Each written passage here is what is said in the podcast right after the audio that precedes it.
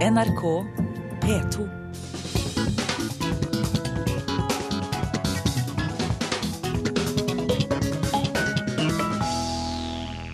Klokken er kvart over fem snart, og det betyr at vi går inn i denne siste ettermiddagssendingen fra Kulturnytt sitt siste fredagspanel. Og panelister i dag, det er fra Venstre musikkjournalist i Puls Arild Rønsen, journalist og kritiker i Dagbladet Inger Merete Hobbelstad, forfatter Arne Berggren. Velkommen alle sammen. Ja, Takk. Dere er på TV, dere vet det? Endelig. Endelig. Dere kan altså be, be, beses på nett eh, via en av disse kameraene her. Fint nok. Vi går eh, løs på første spørsmål i dag.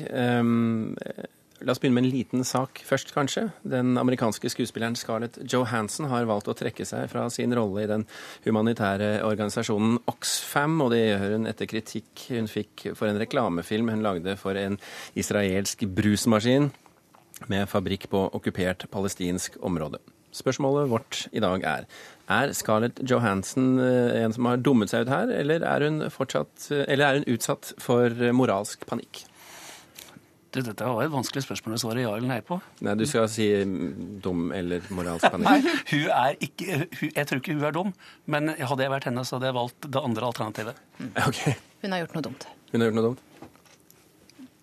Arne Bergen, din rolle er å være Jeg føler at svaret er moralsk panikk. Ja, fint. Hvorfor føler, Jeg synes føler du det det? er veldig vanskelig. Ja. Det er veldig vanskelig. Ikke minst for at jeg har nylig fått med meg fullt batteri med SodaStream hjemme selv. Oi. Så jeg kjenner jo på dilemmaet. Forbanna bra maskiner, rett og slett. Ja. Eh, Men det er altså et uh, okkupert område. Jeg syns spørsmålet var vrient stilt også, Uh, men, men det er klart at det er klart at Bare, bare man som tar, liksom bare sier at, at det er greit å produsere den typen ypperlige maskiner på Vestbredden, er på en måte vrient, merker jeg. Det er en sånn refleks. Ser du annerledes på maskinen din nå? Litt. Men dråpene har blitt om mulig mer dyrebare, tror jeg. Eh, jeg, jeg så jeg bestemte meg for å lese meg litt opp på Vestbredden eh, og, og, og sånn. Jeg, jeg, jeg, liker både Scarlett Johansson og jeg må si det står, står respekt av eh, Det spørs hvor mye penger hun har fått, men det står respekt av det hun gjorde, for hun gjorde ikke den enkle tingen. Eh, Og jeg syns hun er veldig flott også. Det hjelper, det hjelper for mot så mangt, har jeg hørt. Å være, være flott. Eh, nei, mens, mens Bergeren sitter og gjør avlat her da, og leser opp på Vestbredden, så tenker vel jeg bare at nei, hun burde ikke gjort dette her. Hun har to alternativer, og hun velger litt dumt i det. Når det er sagt, altså boikott er Jeg har ofte ganske liten sympati for de som roper opp i boikott og tid ut i det. Jeg tenker det er veldig mye skrammel som ofte har ganske liten effekt. Eh, altså Da er det bedre å la liksom, disse tingene gå sin gang, og så ta opp ting i kanaler som kanskje hjelper. Men hva hvis du er motstander av boikott i en sånn type politisk konflikt? Eh, nei, altså det som er problemet... Og du sitter med en sånn brusmaskin? ja. Nei, men altså Det som er problemet her, er jo Oxfam. At de selvfølgelig eh, må fremstå som upartiske og nøytrale og være veldig forsiktige med hva de kan assosieres med. Og nå er dette veldig en sånn assosiasjon via mellommann, eller da mellomkvinne. Veldig yppig mellomkvinne i dette, dette tilfellet. Eh, så jeg er ikke overrasket i det hele tatt over at dette er problematisk for dem. Og altså en dame med Scarlett Johansens eh, omdømme og ry og, og figur og berømmelse og i det hele tatt. Altså, jeg kan tenke meg at det er massevis av eh, selskaper der ute som gjerne vil ha hennes eh, Altså, det er mange drikker hun kunne satt i eh, fyldige leppene sine rundt sugerøret til.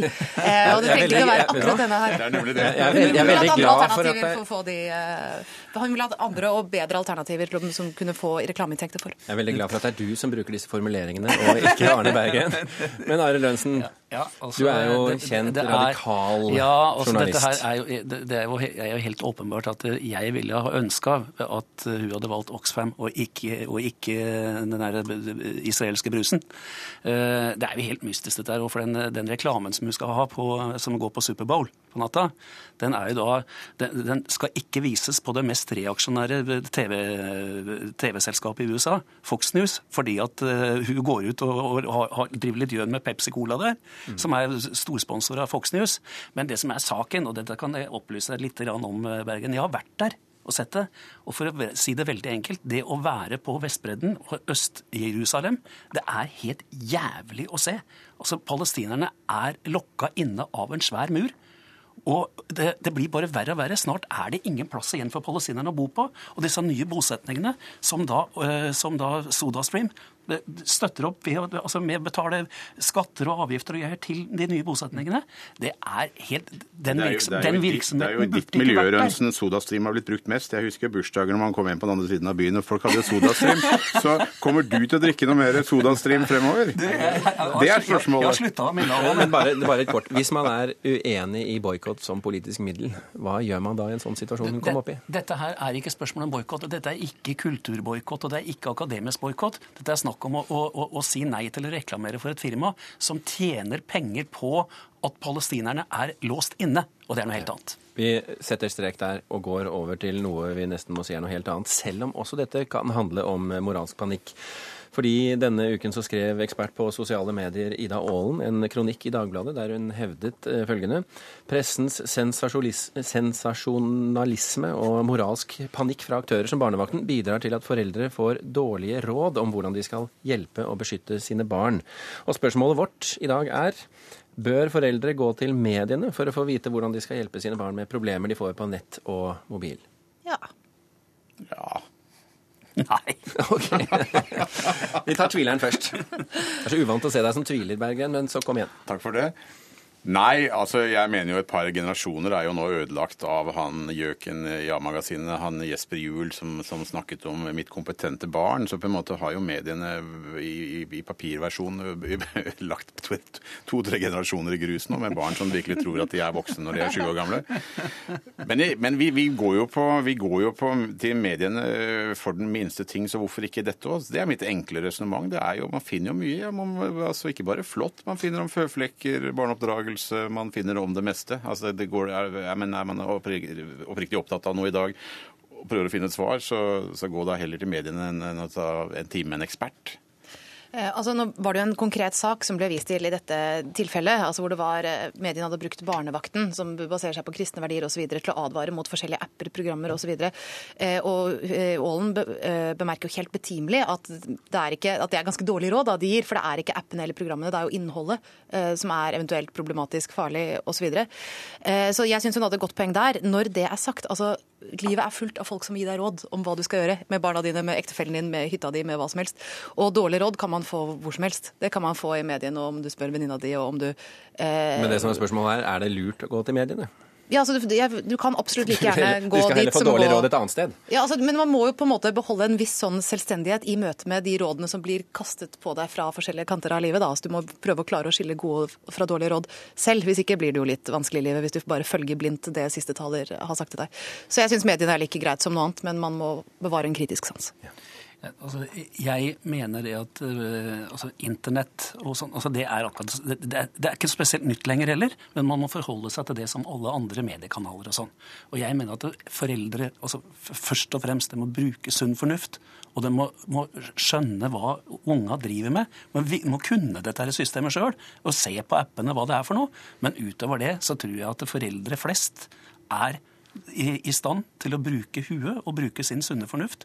Og som de alltid har gjort gjennom noen tusen år, så vidt jeg vet. Men de må jo Har- fremdeles ha informasjonen sin fra et sted. De behøver ikke å ha noe annen informasjon enn det som ungene deres har. Det er rett og slett å sette seg inn i hva, hva, hva disse appene er for noe.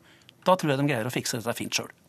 Altså jeg, det er jeg faktisk ikke helt enig i. Altså jeg tenker at Det er en av eh, journalistikkens funksjoner. Da. Det er ikke alltid den som trekkes frem som den viktigste, men det at man rett og slett bare gjør undersøkelser om sosiale forhold, snakker med caser, snakker med eksperter, eh, bringer frem forhold som bare ut fra deg selv og barna dine og omgangskretsen din kanskje eh, ikke er så lett å få tilgang på. Men altså, som sagt, det er jo ikke gitt at det blir godt. Det er det ikke.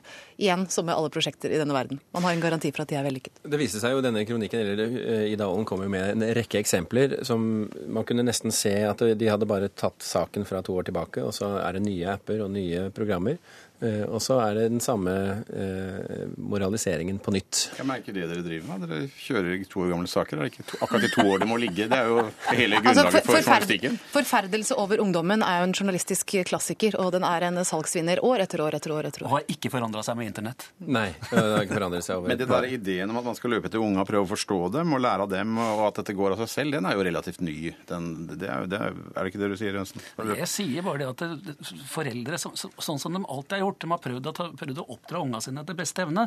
Og det har ikke, blitt, har ikke forandra seg selv om det har blitt internett. Og foreldre må, nå, nå selvfølgelig følge med på, på den nye teknologien og vite hva unga driver med. Verre enn det er ikke, tror jeg.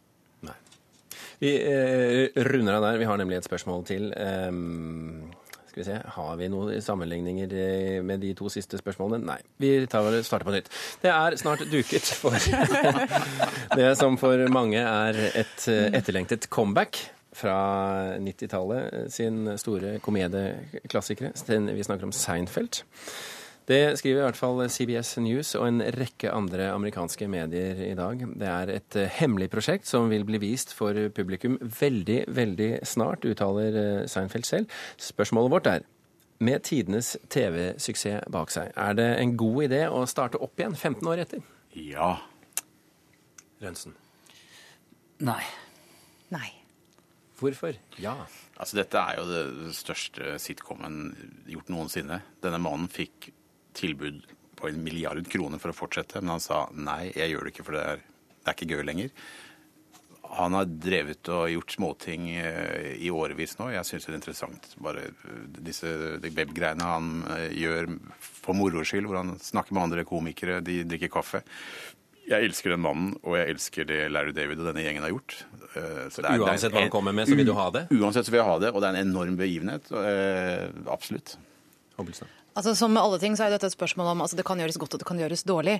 Eh, men eh, jeg, det lugger litt i meg, fordi jeg syns at slutten på Seinfeld var så perfekt i forhold til hva Seinfeld eh, var og hadde vært gjennom alle de årene eh, det foregikk. Fordi det som, En av de mange tingene altså Seinfeld utmerket seg på flere måter, men en av måtene utmerket seg på var at det var rett og slett en ganske nihilistisk serie.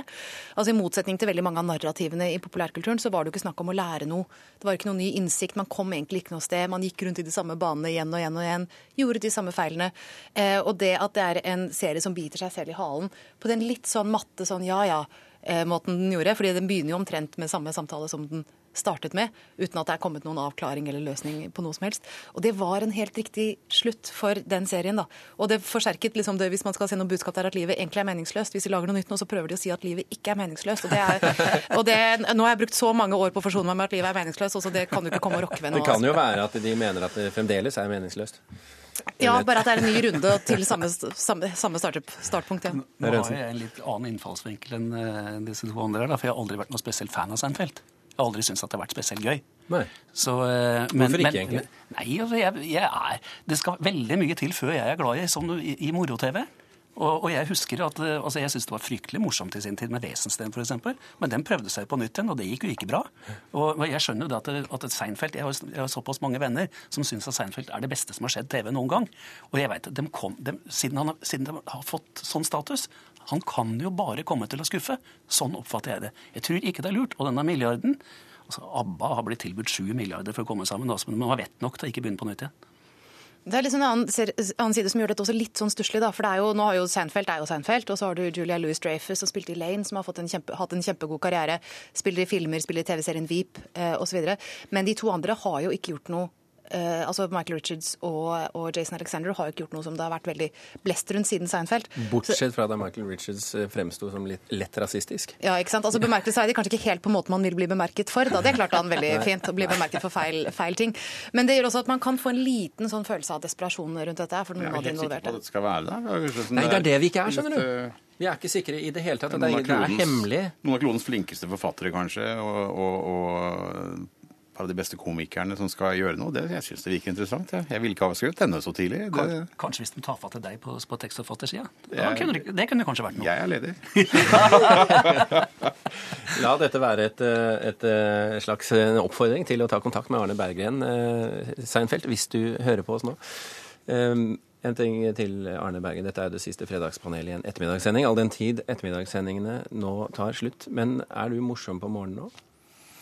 Småmorsom. Jeg kan være, jeg tror, jeg kan være sånn lunt aggressiv. Inger Merete? Altså, helt som vanlig, med andre ord. Ja. er du morsom om morgenen? Jeg tror jeg er litt ufrivillig morsom. Jeg er litt sånn tåkete, prøver å få tak i verden-morsom. Men ja. ufrivillig morsom er også morsomt, ikke sant? Jo, jo, jo. Arild? Ja, altså Så lenge ting foregår før Vålerenga-treninga begynner, og det er klokka halv ti, så går det fint. Det er greit. Arild Lønsen på hver eneste Vålerenga-trening. Jeg spør fordi at eh, dette fredagspanelet blir borte, men vi prøver å få på beina et om morgenen hver fredag fra og med neste fredag. Så får vi se. Nå vet vi i hvert fall at dere er morsomme, og vi prøver, så da har vi gode sjanser. Hør flere podkaster på nrk.no podkast.